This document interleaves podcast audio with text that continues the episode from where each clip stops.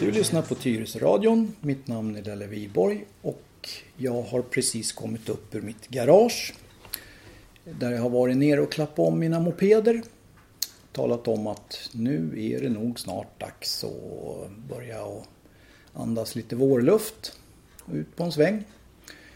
Eh, och det här med att åka moped. Det är för mig en grej som jag har svårt att vara utan. Eh, mopedåkningen sitter i sen 15-årsåldern och det är väldigt svårt att definiera den här känslan men man kastas tillbaks i tiden på något sätt.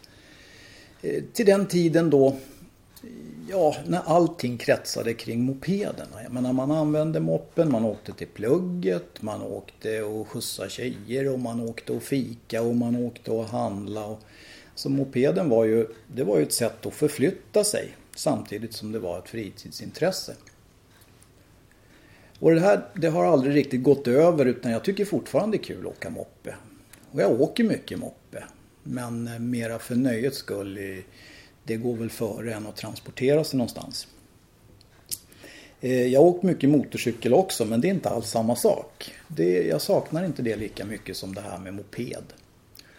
Och eh, visserligen, det kanske känns som lite världens äldsta, äldsta tonåring på något sätt. Men, men det är ändå en, en kul grej tycker jag. Och vad jag tänkte berätta det var att för ett par år sedan så höll jag på att greja med en, en eh, moppe här nere i garaget. Och det var ingen sån här moppe som tanterna hade åkt till affären på eller gubbarna hade åkt till fabriken på en sån här med väskor och grejer. Utan nej, det här var en riktig värsting. En sån här som låter som en eh, bålgeting som eh, går på uppåttjack och massa växlar och glada färger och alltihop det där. Ingenting för en gammal gubbe alltså. Men eh, hur det nu än var, jag hade väl gjort någonting med den där moppen tror jag. Och jag är inte, inte ens säker på att det var min moppe utan det kanske var någon annans moppe, jag minns inte. Hur det nu än var, det var en höstdag och det var lite småruggigt och jag tänkte att nu ska jag ut och åka en sväng. Och titta så att allt funkar och känna och klämma lite och sådär. Och det var ju på den tiden då, det är inte så många år sedan men det är tillräckligt många år sedan för att vara den tiden när man åkte och köpte en kvällstidning. Det var väldigt vanligt. Numera så gör man ju inte det, inte jag i alla fall. Det blir ju att man läser på plattan eller på datorn eller någonting sånt där. Men då var det viktigt att åka och skaffa sig en tidning av valfritt slag.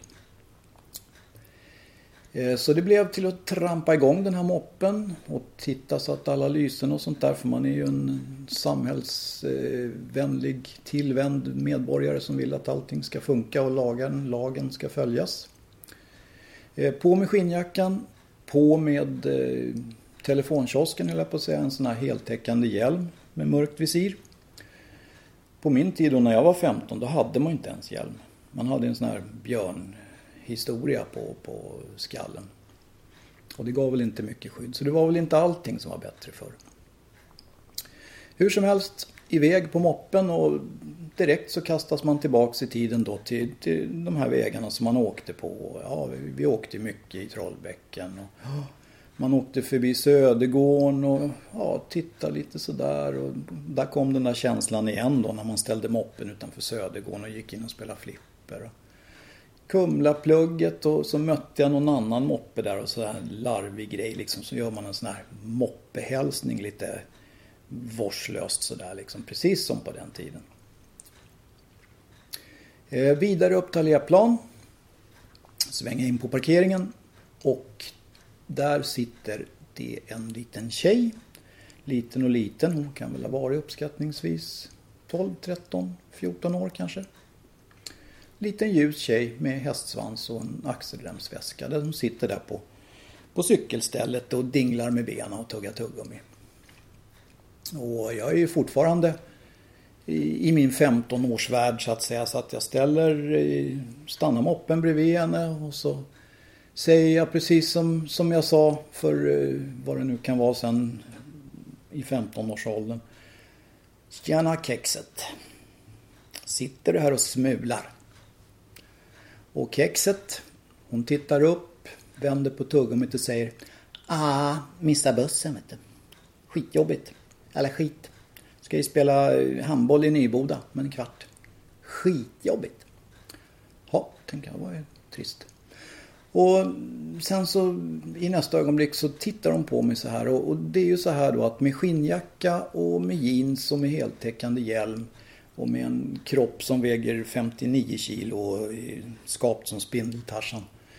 Så kanske man kunde ta mig för en 15-åring. Med lite god vilja. Om man är en tjej som dinglar med benen. Men i alla fall så säger hon så här. Ja men du, kan inte du skjutsa mig till Nyboda då? Skyrre då? Hygglo? Skitjobbigt alltså, jag kommer för sent annars. Och jag tänkte, nej, fan det kan man inte göra. Alltså, det är farbror Bosse-varning på det där. Och ute och skjutsa på tjejer som är 12-13 år. Alltså det, nej. Det, det skulle inte se bra ut. Och medan jag står och funderar på det där så, så tjatar hon lite till och, och jag säger, ja men Ja, men det är ju synd om tjejen samtidigt då. Men ja, okej okay då säger jag. Vi, vi, kan väl, jag kan skjutsa dig. Vi kan ta småvägarna så kan vi åka lite försiktigt och så hinner du. Ja, schysst alltså. Schysst. Gud vad du är gullig. Ja, den gulliga farbrorn då. Han går väl och köper tidningen och så där kommer tillbaka och tjejen hon, hon eh, står en bit bort där och knäpper ihop jackan och väskan och rättar till hästsvansen. Och, och då tar jag av mig hjälmen för att jag vet inte riktigt varför men det var väl någon av guldlockarna som hade lagt sig i oordning där så att jag tog av mig hjälmen innan vi skulle åka. Och när jag vänder mig tillbaka sen då ser jag ingen tjej. Jag ser bara hur hon rusar ner för gatan liksom med väskan slängande efter sig.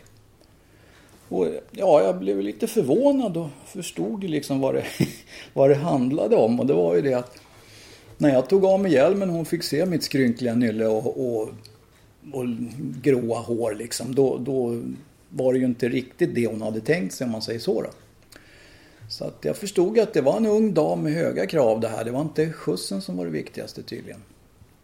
Eh, så att eh, jag kände mig lite stukad, det måste jag erkänna sådär. Och puttrade i sakta mak hem och sådär och tänkte att ja, det var ju roligt så länge det var i alla fall när man fick känna sig som 15.